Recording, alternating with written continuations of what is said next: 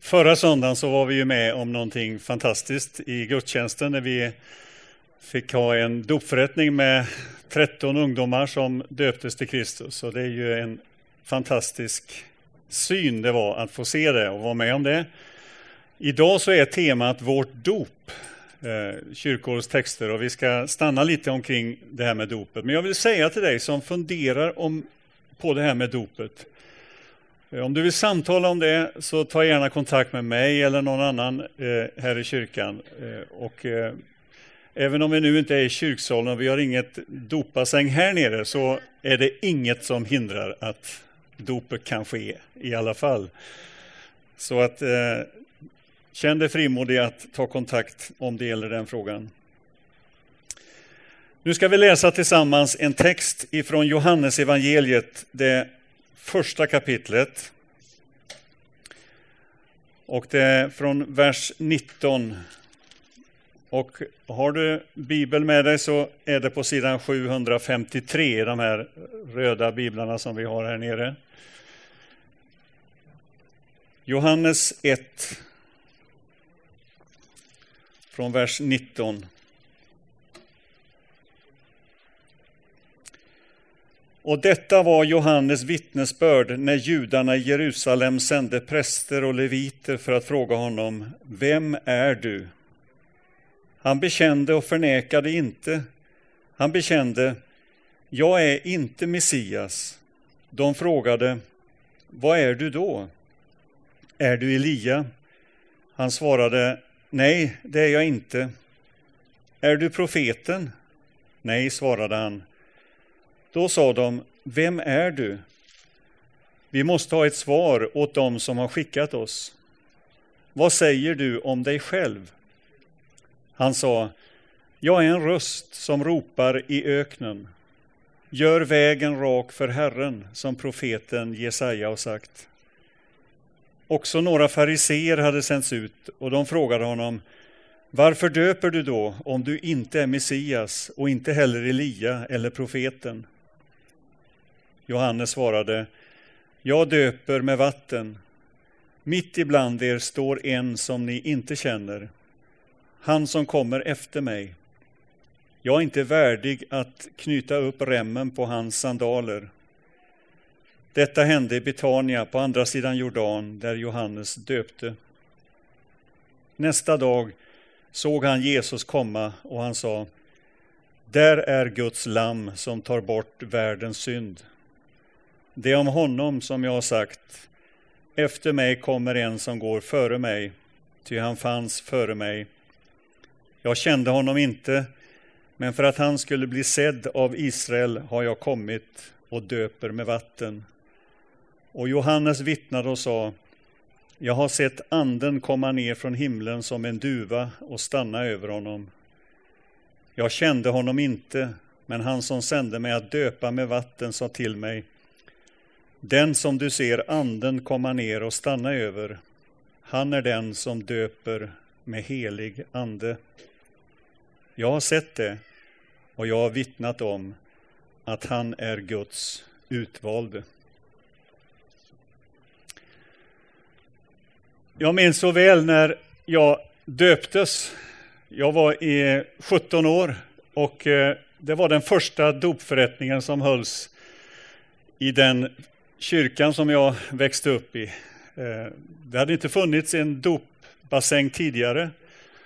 Och det hade föregåtts av många diskussioner och samtal och man såg behovet av en dopbassäng eller en dopgrav som vi också kallar den för. Och så var jag en bland dem, jag tror vi var 13 som i söndags, som döptes den där eh, dagen. Och eh, det var en fantastisk upplevelse och där stod vi uppradade eh, ungdomar, de flesta utav oss. Och när jag står där och väntar på att det är min tur att gå ner i dopvattnet så ser jag på golvet ligger det ett häftstift. Ser ni det? Det syns inte, men jag såg det. Jag bara lägger det där som en påminnelse, jag återkommer till det. Men häftstiftet låg där och jag var totalt fokuserad på det där. Ingemar, trampa inte på det när du ska ner i dopgraven. Det var vad jag såg, vad jag var fokuserad på. Och det där häftstiftet har talat till mig. Ja, det var en annan sak som jag också var fokuserad på. Och det var min eh, blivande hustru Anna-Lena var också med, som stod där bland de 13 dopkandidaterna. Eh, var väldigt, alla är ju vackra i vitt, så det var... Ja.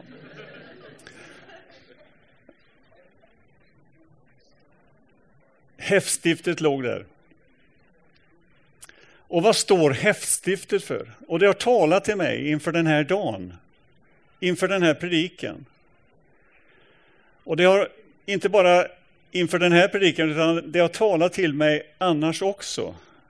Det där häftstiftet står egentligen för allt det som skiljer mig från att leva i mitt dop, från att komma dit. Det är någonting som man måste hela tiden hantera på något sätt. Det finns någonting som innebär att jag måste ner i dopvattnet.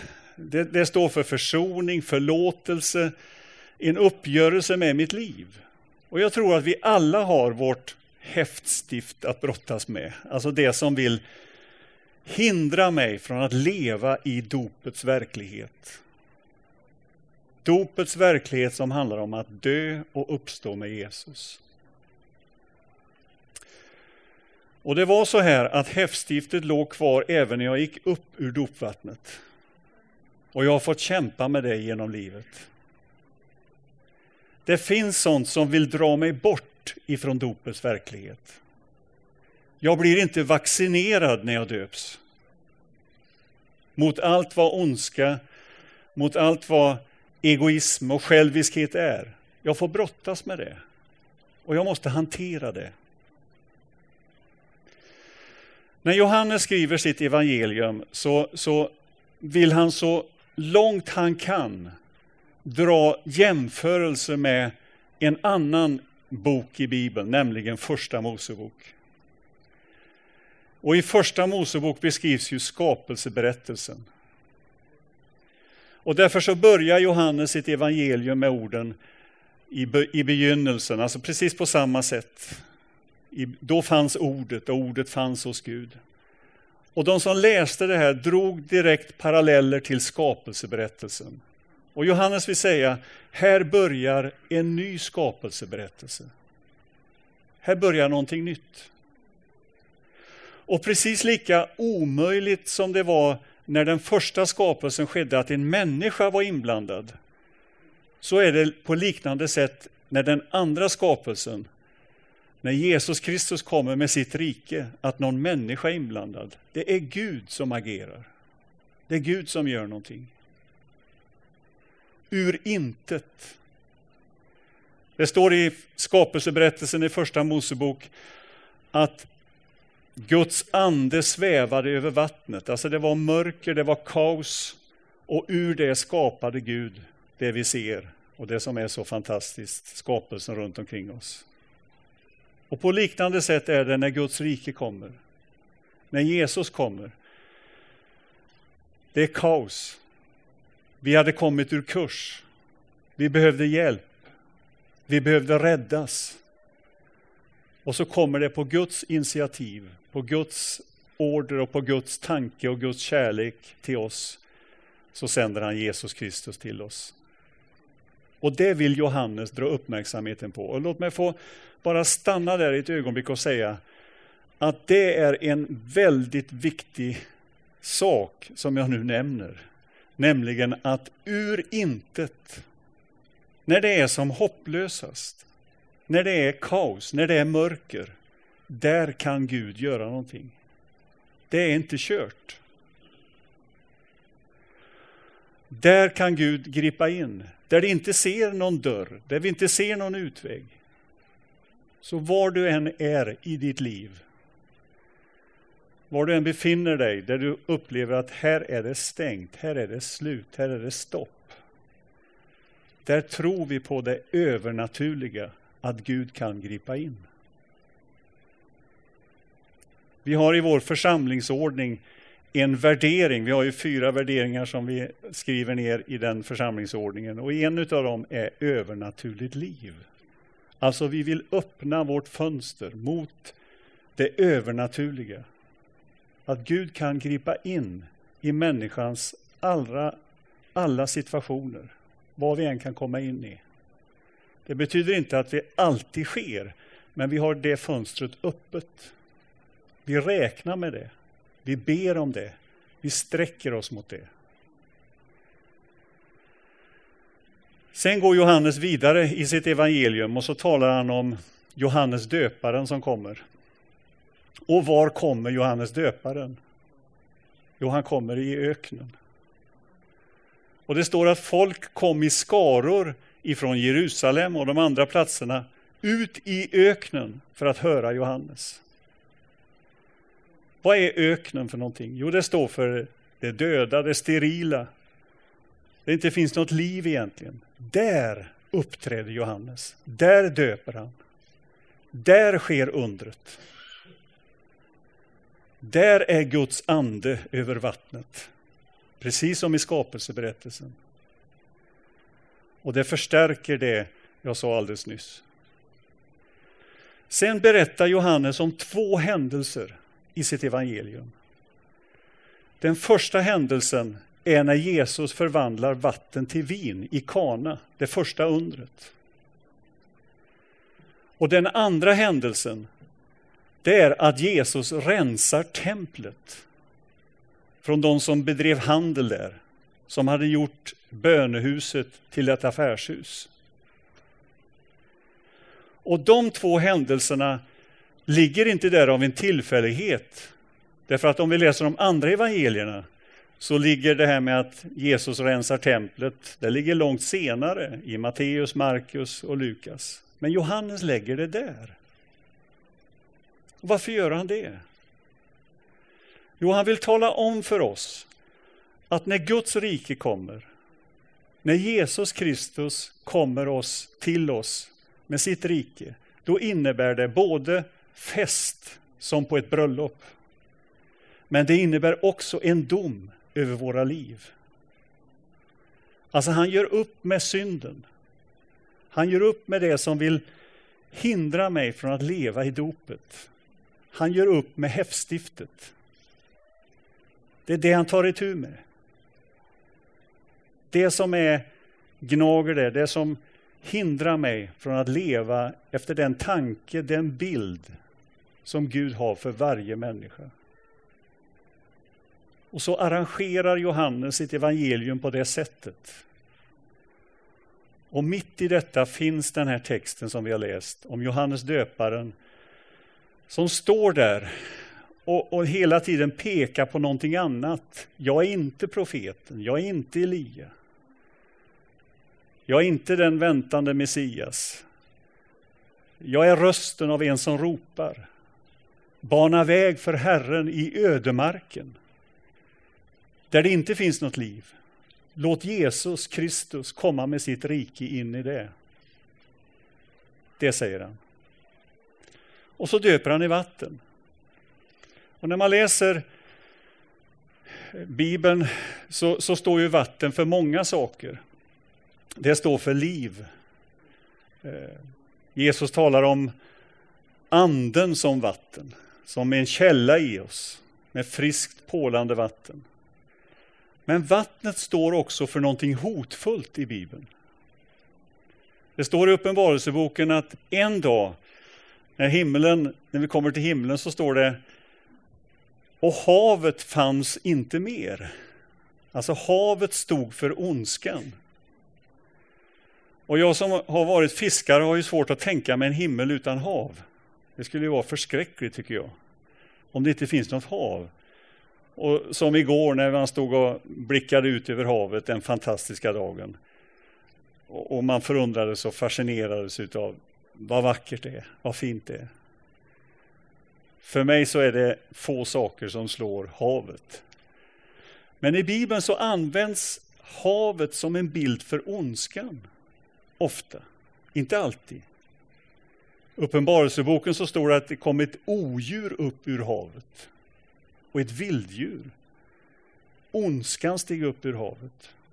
Och så talar Uppenbarelseboken om att en dag så ska havet inte finnas mer, alltså det onda finns inte längre. Och så använder Johannes döparen, han döper i vatten. Han använder detta hotfulla.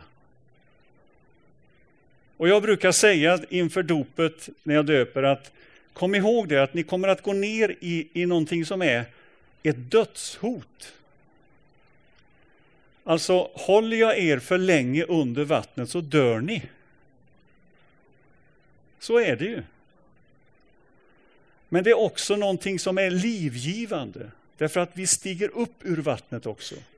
Så att vattnet står för både död och liv. Och på något sätt så är detta typiskt Gud, hur han agerar. Alltså där i det, i det mörkaste, i det svåraste, i det mest hotfulla för våra liv, där möter oss Gud.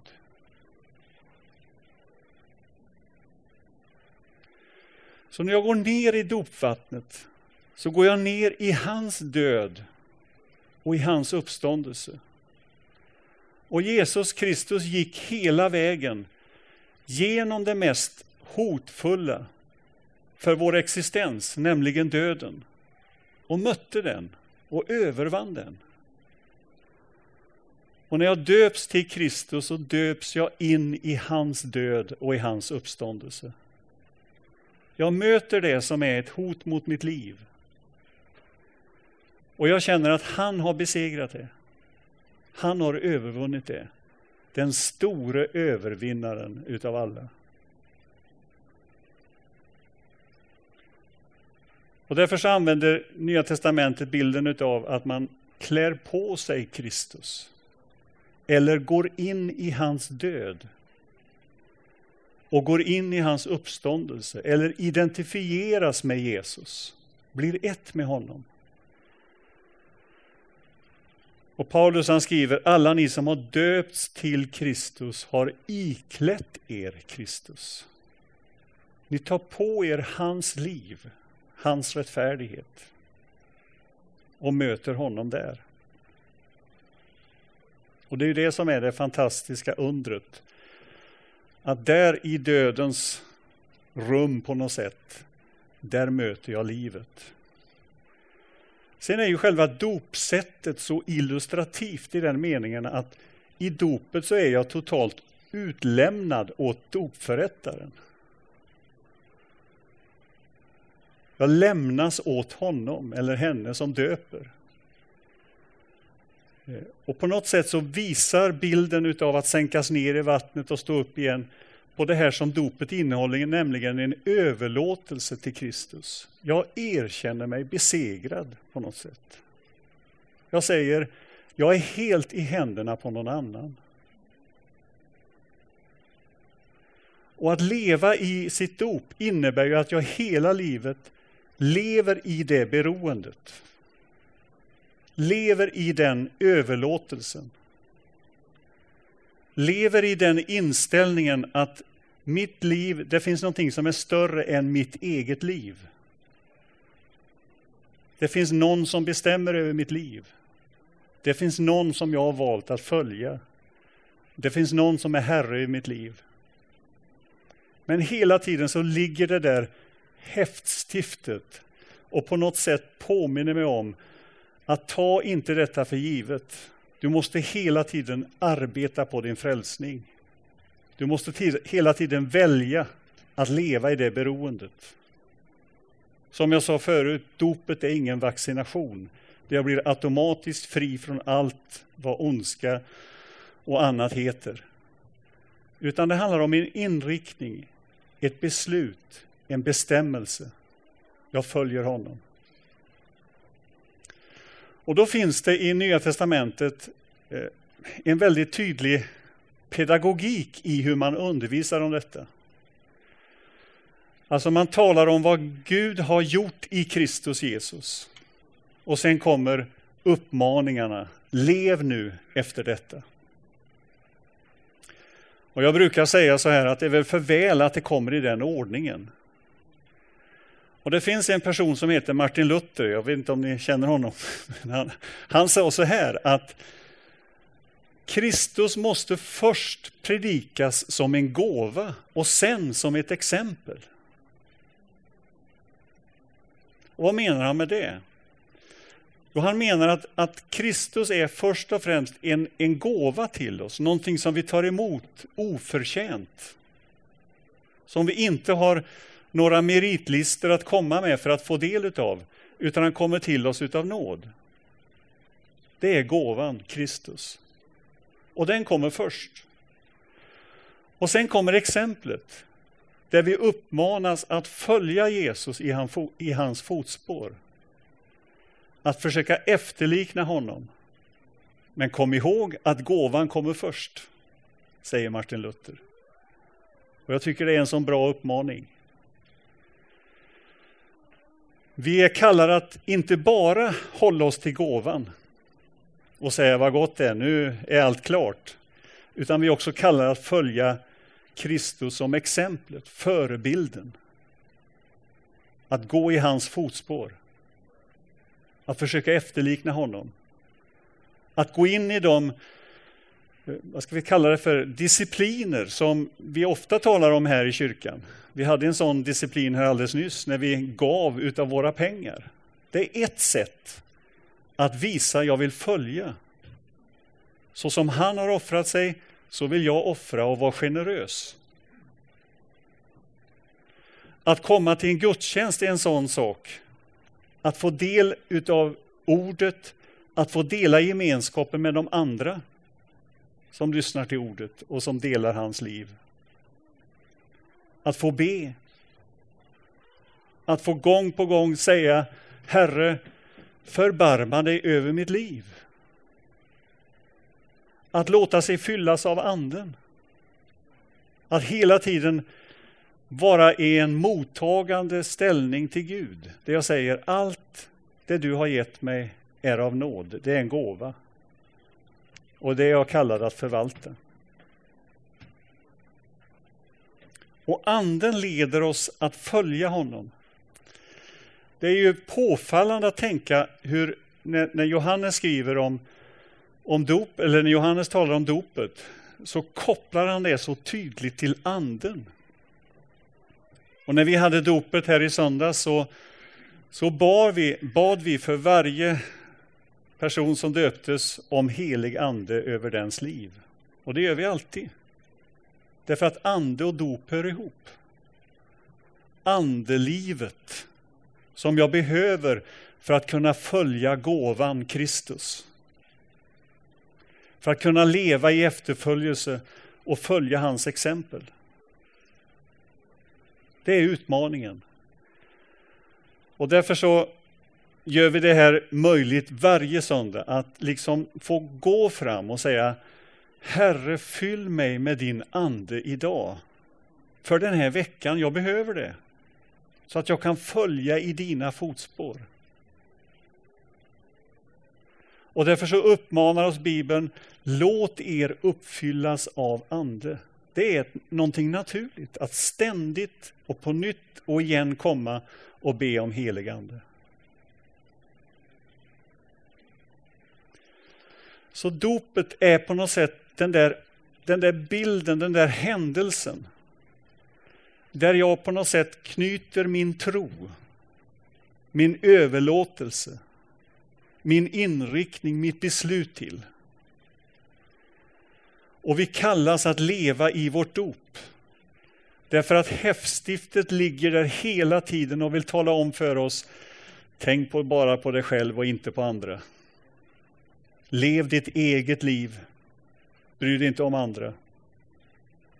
Det ligger där som ett ständigt hot mot det som är den ömma punkten i mitt liv, som jag alltid har att brottas med.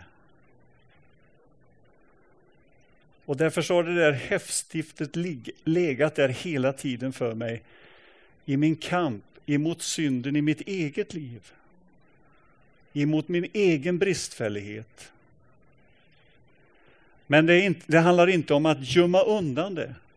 Utan det handlar om att möta sig själv på något sätt i dopet.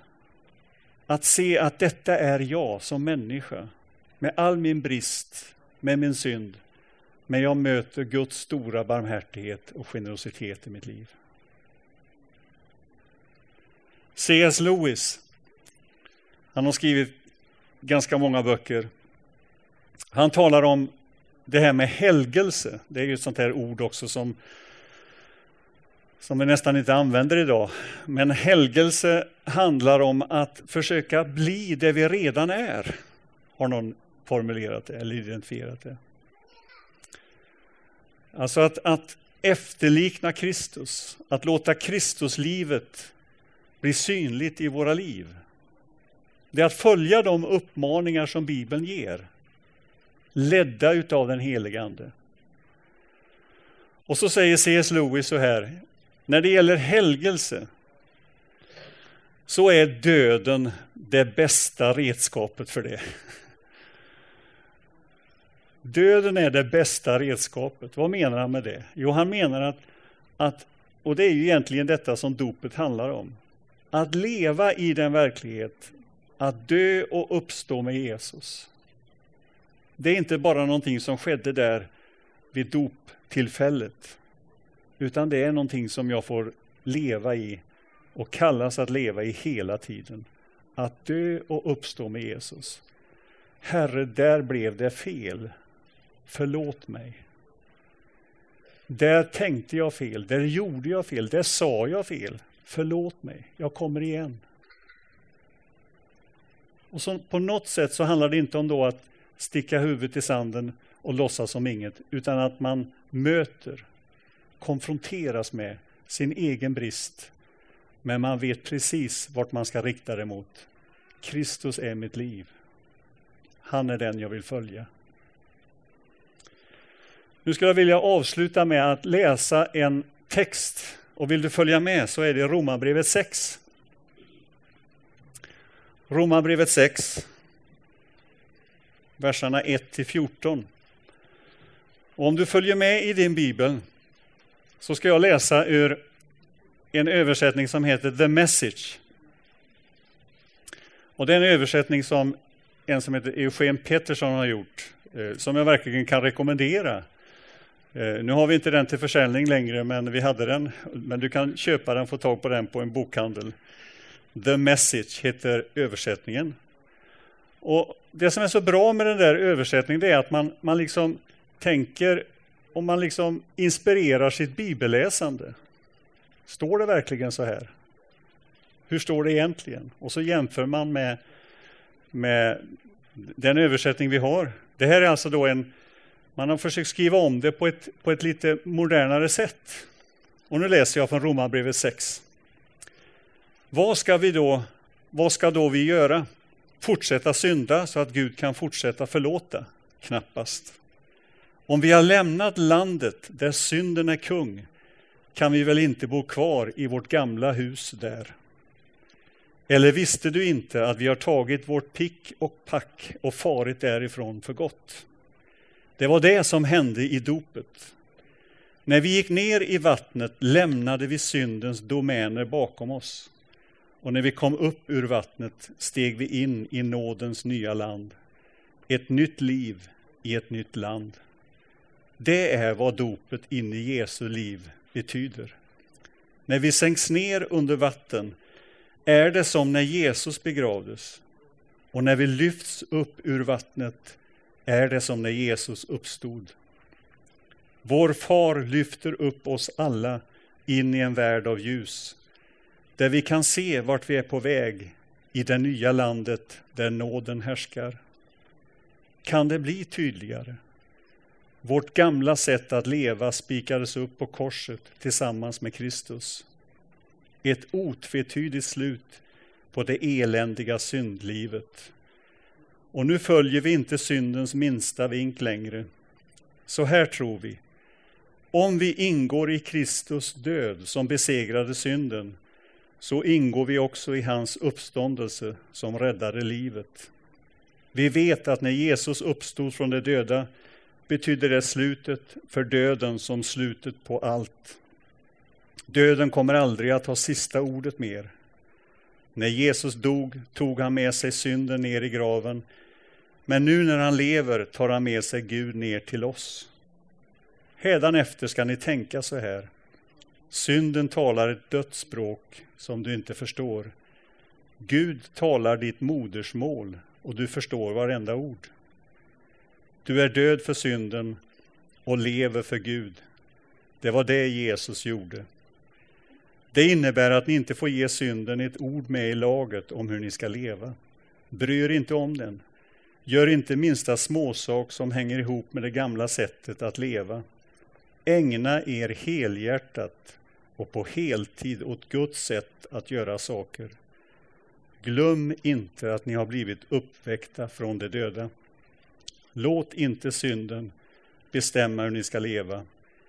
Ni lever ju inte under den gamla tyrannen längre. Ni lever i frihet hos Gud. Amen. Låt oss be. Tack Gud att du har för oss varenda en berett ett rum utav nåd. Tack att vi får gå in i det och ta emot din frälsning som den största och bästa utav alla gåvor. Hjälp oss att leva i vårt dop. Hjälp oss att dö och uppstå med dig. Hjälp oss att, Herre, besegra det onda med det goda. Hjälp oss, Herre, i vår kamp med vår själviskhet, vår egoism, vår synd. Herre, inled oss inte i frestelse, utan fräls oss ifrån det onda. Och hjälp oss att leva i din uppståndelse och i ditt liv. Amen.